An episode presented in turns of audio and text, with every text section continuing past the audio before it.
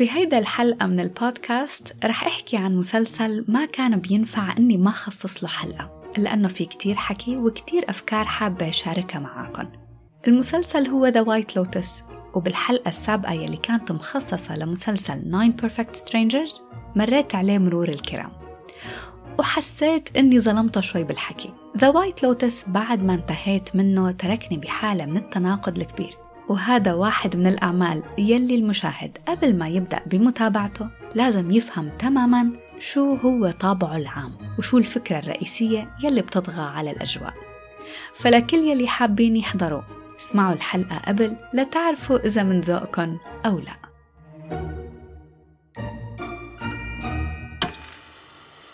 Aloha. Happy to be here. We're on our honeymoon. You're such valued guests. Welcome to the White Lotus.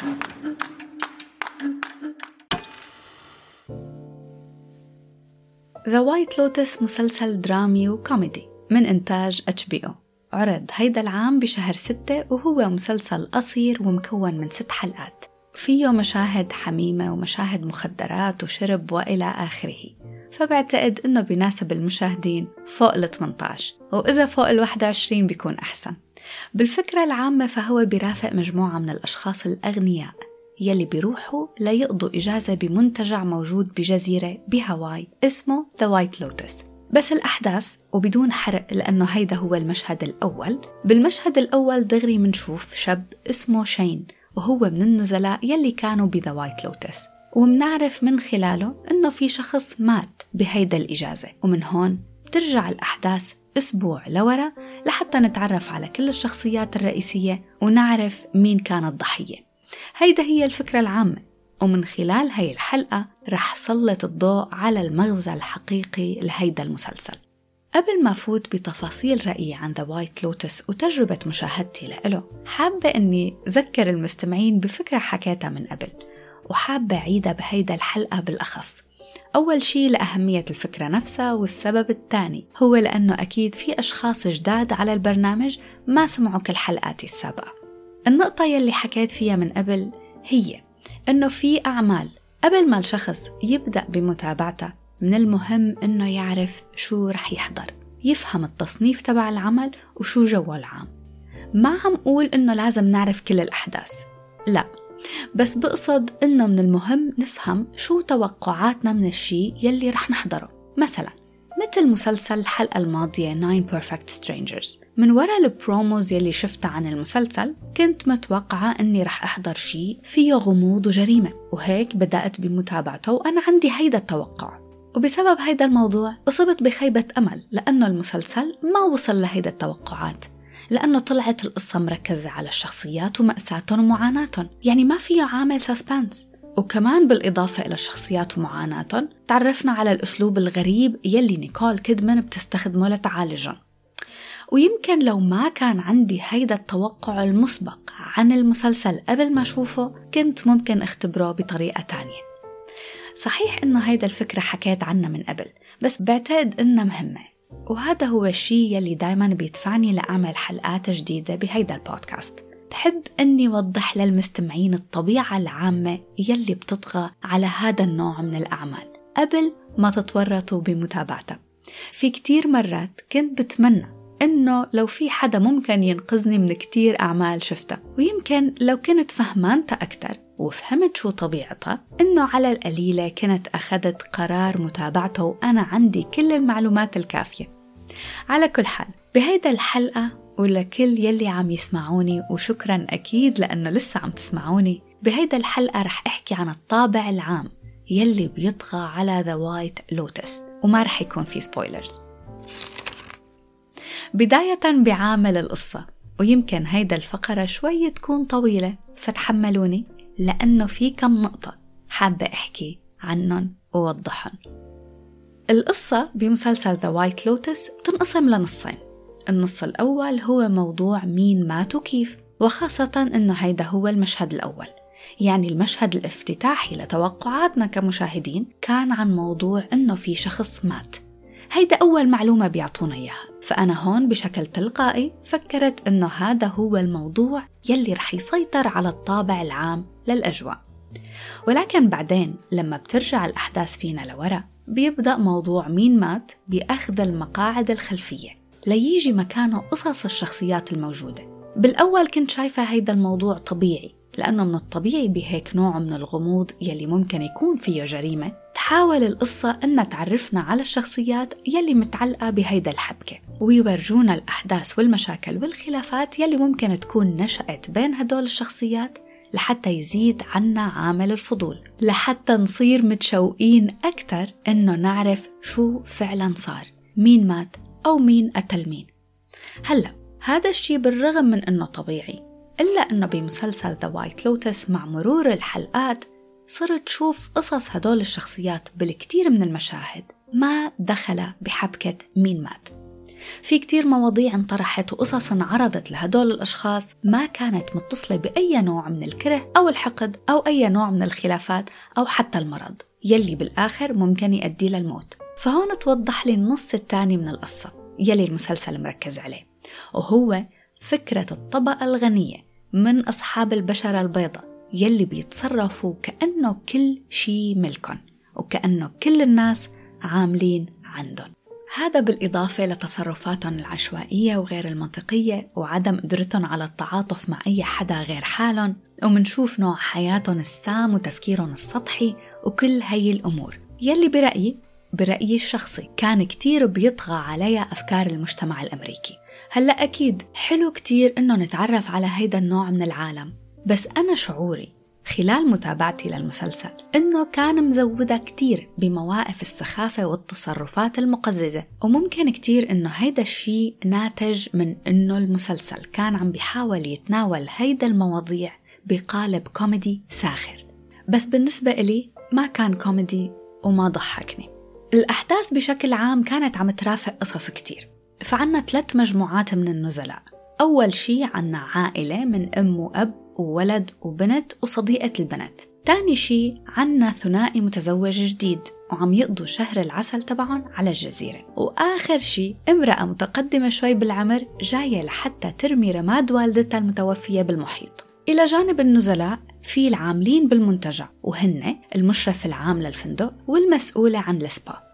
يعني المجموع هيك عشر أشخاص أساسيين ومن هدول العشر أشخاص بيولد تقريبا سبع قصص مختلفة وهذا الشيء نوعا ما خلاني حس بالملل لأنه أنا كنت عم تابع لحتى أشوف دلائل على فكرة مين مات.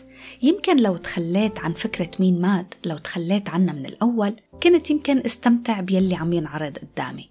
هلأ إذا بدي أكون كتير صريحة مع حالي وصريحة معاكم بالأخص. وهون بدي أقول نقطة بعتقد إنه مهمة للمشاهدين يلي بدهم يشوفوا The White Lotus The White Lotus كان هدفه إنه يعرض لنا كمية السموم يلي هيك نوع من الأشخاص بيتسببوا فيها. بالكثير من المواقف كانت تصرفاتهم مقرفة ومزعجة وممكن تخلي الواحد بده يسكر التلفزيون من كتر الانزعاج. بس هذا هو الهدف الحقيقي من عرض القصص بهي الطريقة. فبخلاف تام عن مسلسلات تانية من نوع مين القاتل ومين انقتل لأنه هيدا الأعمال عادة بتحاول تخلينا متعلقين بالشخصيات إن كان شخص طيب أو شرير. هذا التعلق والرابط بيني وبين هيدا الشخصيات بخليني خايفة عليهم لأنه ما بدي شخصيتي المفضلة تنقتل أو حتى تكون القاتلة. ولكن ب The White Lotus بالعكس تماما. عرض لنا هدول الأشخاص بأسلوب خلاني ما أحبهم أبدا. وانزعج منهم لدرجة أني صرت أتمنى أنه please لو كلكم تختفوا وتخلصوا العالم منكم. يمكن مرات كتير كمشاهدين بنخلط بين شغلتين. بنخلط ما بين المشاعر يلي العمل بيولدها بداخلنا وما بين قوة العمل وقيمته. فإذا العمل ولد بداخلنا مشاعر سلبية إن كان حزن أو كره أو يأس أو عدم رضا تلقائيا منقول إنه لا العمل ليس جيد. وشو كانوا عم بفكروا لما عملوا هيك؟ بس صانعين العمل مش دايما هدفهم إنه يولدوا بداخلنا مشاعر إيجابية. هدفهم إنه يولدوا بداخلنا مشاعر وبس بغض النظر عن هي المشاعر نفسها ونوعيتها وإيجابيتها. ما فينا نقول إنه العمل فاشل أو ما حلو. بس لأنه نهايته مثلا فوتتنا بحالة من اليأس والحزن أو لأنه العمل فوتني بدوامة من المشاعر السلبية أو لأنه خلوا هي الشخصية عايشة وقتلوا هيدا الشخصية. طالما المسلسل أو الفيلم خلق جواتنا مشاعر معناتها العمل فيه شي نجح. العمل الفاشل بقى هو يلي منحضره بالليل ومننساه الصبح. هو العمل يلي منتابعه وما بيولد بداخلنا مشاعر أبدا. حبيت أحكي عن هيدا الفكرة لأنه The White Lotus هيك. المخرج مايك وايت كان مستقصد أنه يلقي الضوء على هيدا النوع من الأشخاص بهذا المجتمع بهيدا الطريقة. يلقي الضوء على كمية السموم يلي بيطلقوها وين ما كانوا موجودين. وهدفه كان أنه فعلا يخلينا ما نحبه.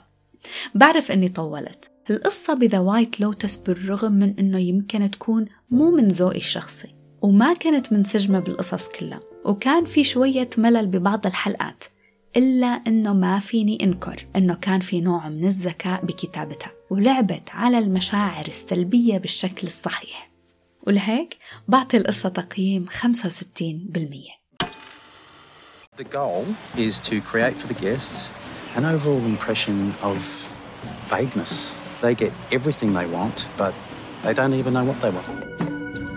We did book the room with the pool, and we paid for it. My mom forwarded me the booking. Shane! What? I'm not gonna let him ruin our honeymoon. No, but he's not. You are.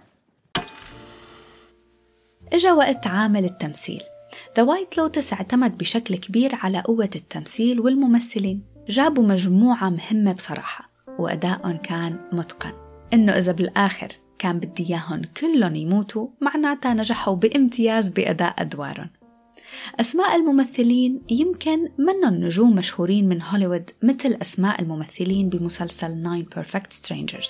بس أكيد لما تشوفوا أشكالهم رح تتعرفوا على البعض لأنه كان لهم أدوار سابقة مهمة من قبل.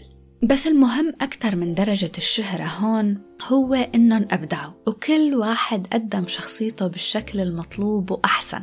مو من السهل أبدا إنه يجتمع بمسلسل واحد كل هيدا القدرات التمثيلية المميزة.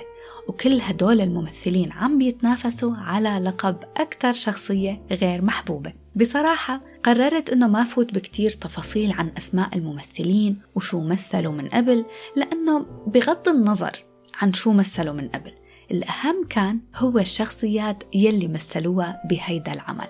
الأدوار يلي قدموها هي عامل القوة الفعلية ب The White Lotus. على رأس هيدا القائمة وبجدارة تامة بتيجي شخصية شين باتن. شاب غني متزوج حديثا وعم يقضي شهر العسل تبعه على الجزيرة. الممثل جاك ليسي تقمص دوره بشكل فظيع وهون عم استخدم كلمة فظيع لأنه بتحمل معنيين لأنه إلى جانب أدائه الفظيع تيجي شخصيته الفظيعة. أكتر واحد كنت بتمنى أنه يكون هو يلي مات آخر شي. ما رح أقول كتير مشان السبويلرز بس حسسني أنه هو هيك على الحقيقة. رجل طفل.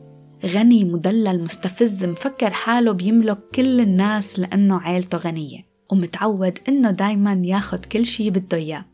في الكثير من الشخصيات التانية المستفزة مثل الابنة المدللة أوليفيا يلي كتير أمريكية. كل الوقت بتنتقد والدها وأمها على حياة الغنى والرفاهية يلي عايشينها وإنه كيف ما بيهتموا بالعالم الفقراء المعذبين. وهي من الداخل مدللة للآخر. ومستحيل تقدر تعيش حياة غير يلي هي هلأ عم تتنعم فيها.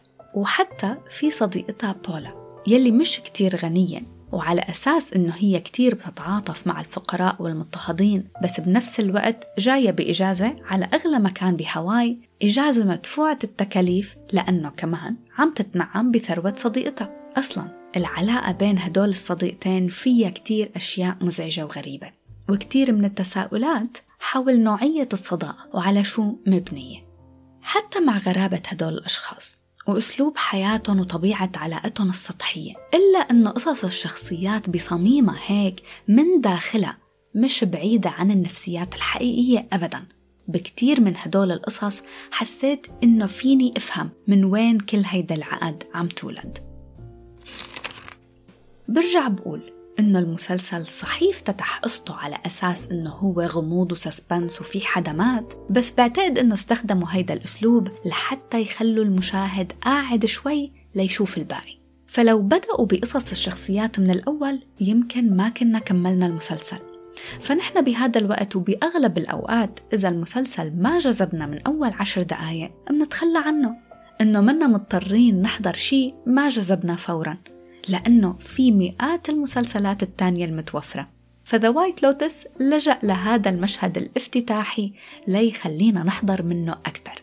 The White Lotus رسالته الفعلية وطابعه العام وفكرته الحقيقية هي موضوع الإنسان لما بيفقد أجزاء من إنسانيته بمجرد ما يعيش حياة الدلال والرفاهية. وليوضح عيوب هدول الأشخاص جاب طبقة تانية من الشخصيات المختلفة تماما. وهن العاملين بهذا المنتجع يلي كل واحد منهم تعرض للأذى من قبل هدول الأغنياء. شفنا هيدا الشي مع مدير الفندق أرموند يلي بتولد عداوة بينه وبين شين. وأيضا شفنا هذا الشي مع مديرة السبا بليندا يلي بيكون في قصة بينها وبين الامرأة المتقدمة بالعمر يلي جاية ترمي رماد والدتها بالمحيط. بصراحة ما قدرت ما أتعاطف مع قصتها أبدا.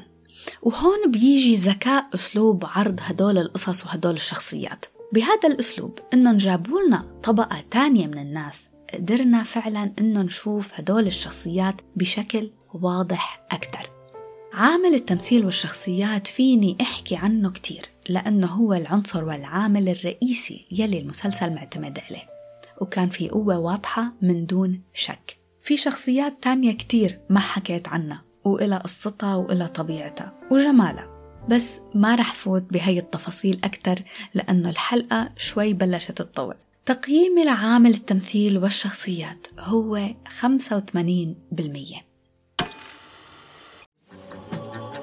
He thinks I'm an asshole. Were you an asshole? I guess I'm just wondering what um, you might be able to do for us to make us feel better. No, I was actually trying to not be an asshole. That you failed?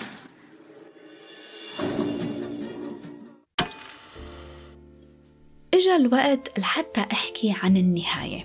من بعد كم حلقة من المسلسل ومن بعد ما فهمت شو فكرته الرئيسية بدأت بمشاهدة الحلقات بضوء مختلف تماما. تخليت عن فكرة مين مات وصرت عم أحضر لشوف هدول الشخصيات وشوف كيف رح تنتهي قصتهم بهيدا الإجازة. مثل ما قلت بالأول إنه كان في نصين لعامل القصة. نص بيحكي عن مين مات والنص الثاني بيحكي عن قصص الطبقة الغنية وشخصياتهم. النهاية كمان كانت مقسومة لنصين. النص الأول هو إنه النهاية بتعطينا جواب على مين مات وكيف والنص الثاني هو إنه كيف هدول الناس يلي إجوا بإجازة ليترفهوا كيف أثروا بشكل بشع على الناس الأقل منهم.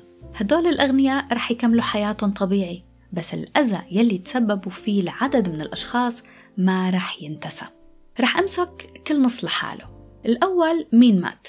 هوية الشخص يلي مات كانت بالنسبة لإلي متوقعة والحلقة الأخيرة مهدت لهيدا النهاية بشكل واضح من أولها ما حسيت إنه كانوا عم يحاولوا يخبوا علينا أبدا هوية مين مات. فهون برجع للفكرة الأولى إنه من الأول ما كان في suspense وبالآخر عطوني خاتمة كمان ما فيها suspense كتير. فشعوري بهيدا النص من النهاية كان عادي. إنه آه إيه أوكي. ما أنا كنت حاسة من الأول.